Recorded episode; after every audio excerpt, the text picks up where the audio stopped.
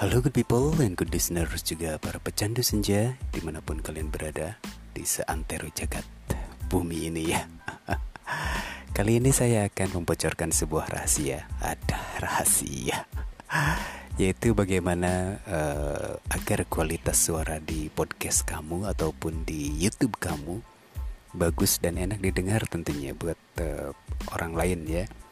Jadi ada beberapa cara yang pertama itu tentunya memakai tools. Itu banyak sekali ya banyak banget di uh, apa di Google. Tapi ada juga yang natural. Jadi mereka mereka-mereka itu nggak butuh dengan apa ya tools tools tertentu atau menaikkan gain dan segala macamnya. Uh, kayak saya saya ya alhamdulillah ya nggak pakai tools apa apa jadi saya cukup percaya diri dengan suara saya dan ya terserah mereka sih. Maksudnya terserah para pendengar mau menilai suara saya bagus ya syukur. Jelek ya nggak apa-apa. Atau cempreng ya terserah mereka deh. Tapi saya akan membagikan uh, tips-tipsnya kepada kalian semua. Bagaimana supaya kualitas suara podcast ataupun di YouTube kamu menjadi bagus dan enak didengarkan. Tapi tentunya setelah yang lewat ini ya.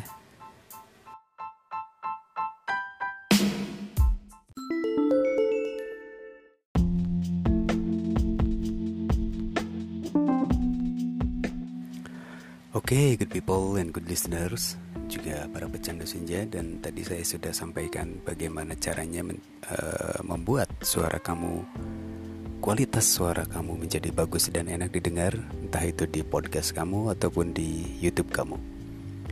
Jadi, tipsnya adalah yang pertama tentunya cari tempat yang sepi. Nah, cari tempat yang sepi ya. Artinya, eh, kalau bisa ya di rumah kamu itu ada satu ruangan tertutup. Jadi jangan sampai terdengar suara-suara di sekitar kamu ya. Eh, biar ya biar nggak ada noise dari luar tentunya biar enak didengar juga. Nggak kayak saya ya. Banyak sekali suara-suara yang di luar karena memang kebetulan uh, apa ya saya merekam ini recordnya di kamar sendiri dan tentunya pintunya juga terbuka terus jendelanya juga besar jadi anginnya kenceng dan juga banyak suara-suara di luar entah itu suara burung punya tetangga ataupun suara kucing ya. Jadi yang nomor pertama adalah tentunya cari tempat sepi.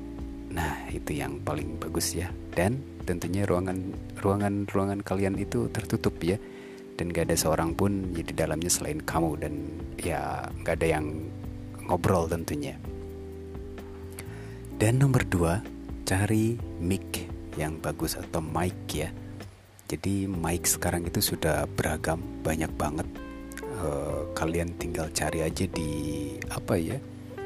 Entah itu di platformnya ya online itu banyak banget jualan-jualan online. Cari aja menurut kalian yang paling uh, bagus.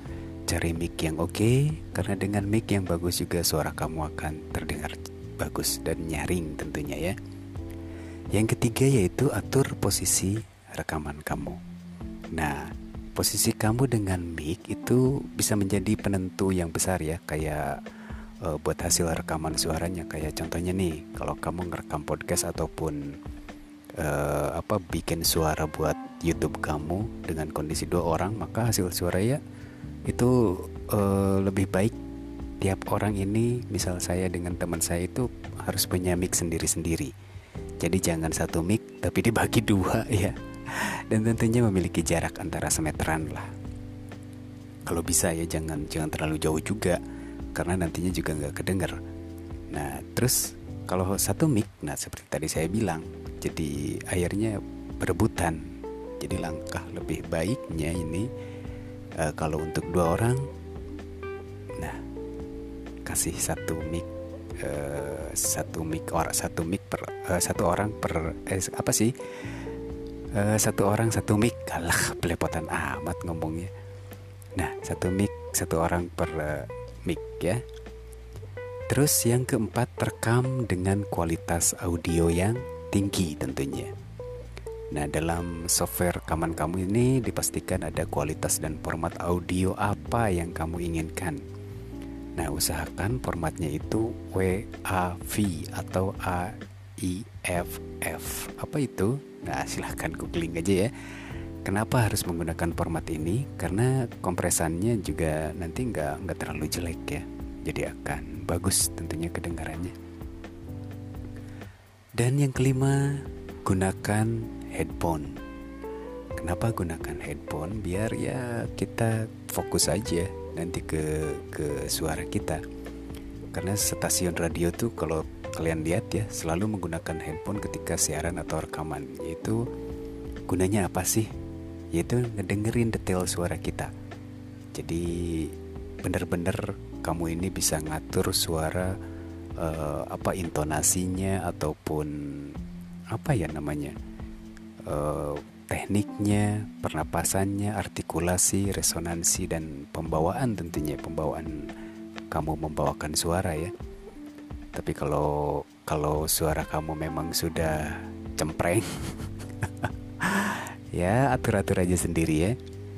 Dan nomor 6 melakukan tes rekaman lebih dulu. Jadi sebelum mulai ini ada baiknya kamu mencoba rekaman dulu, yaitu ngetes dulu lah yaitu tujuannya untuk kira-kira seperti apa sih suara yang dihasilkan. Apakah ada suara noise di sekitar kamu atau volumenya mungkin terlalu keras atau terlalu kecil. Jadi kamu bisa uh, tahu ya kalau kita ngetes dulu. Jangan langsung ya kalau langsung nanti pas sudah beres ternyata ada suara ketawa orang lain atau anak-anak kecil yang teriak-teriak atau apa ya dan nomor tujuh tentunya membuat skrip agar kamu lancar ya. Jadi mungkin ada beberapa orang ya kayak teman saya itu dia nggak nggak butuh dengan skrip, jadi dia bisa sangat enak ngok, sangat enak ya kalau ngomong tuh spontan banget. Tapi kalau kamu bukan orang tipenya seperti itu, jadi alangkah lebih baiknya gunain skrip aja. Jadi skrip ini akan ngebantu banget, bener, bener-bener ngebantu menghasilkan podcast yang mulus ataupun uh, YouTube yang mulus ya. Jadi ingat kualitas suara itu nggak datang hanya dari tools ya, bukan hanya datang dari peralatan yang kamu gunain, tapi juga cara penyampaian yang kamu lakukan tentunya. Dan delapan, edit hasil rekaman suara kamu. Nah, seperti tadi saya bilang, kalau kamu nggak percaya diri, kalau kamu nggak pede, jadi alangkah lebih baiknya kamu ngedit aja dulu pakai software audio ya banyak sekali kok di di uh, apa di internet. Ada yang free, ada juga yang berbayar.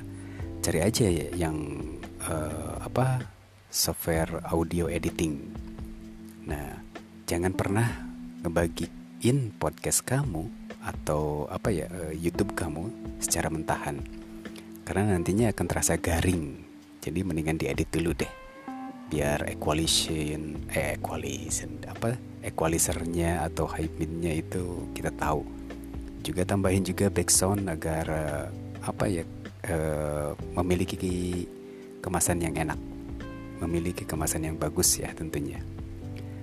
Nah dan yang terakhir adalah usahakan gain levelmu nggak sampai terlalu tinggi. Jadi kalau kalau ngegunain rekaman, ngegunain mixer atau saat editing, nah biasanya akan nampak ya data yang berwarna hijau tuh yang ada di apa di mixer itu kan ada warna hijau, kuning, merah itu naik turun dengan ucapan kamu ya. Jadi kalau kamu ngomong pasti si warna hijau, kuning, merah itu naik turun. Nah itu dinamakan dengan gain levels. Tapi kalau kamu nggak ngegunain itu, ya nggak apa-apa juga sih sebenarnya. Jadi feeling aja. Kalau menurut kamu ah udahlah suara aku mendingan gini aja. Apa adanya. Ya seperti saya lah. Apa adanya tuh ya. Jadi terserah uh, penilaian para uh, pendengar tentunya para good listeners dan good people. Apakah suara saya terdengar bagus atau enggak. Jadi uh, itulah 9 cara 9 tips bagaimana uh, agar kualitas suara podcast kamu ataupun suara di YouTube kamu menjadi bagus dan enak didengar buat para pendengar atau orang-orang yang melihat uh, YouTube kamu. Oke, okay, good people and good listeners, juga para pecandu senja mana pun Anda berada.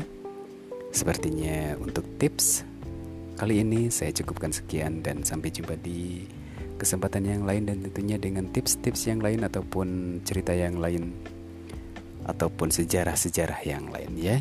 Sampai jumpa dan salam sehat. Goodbye and I love you tentunya.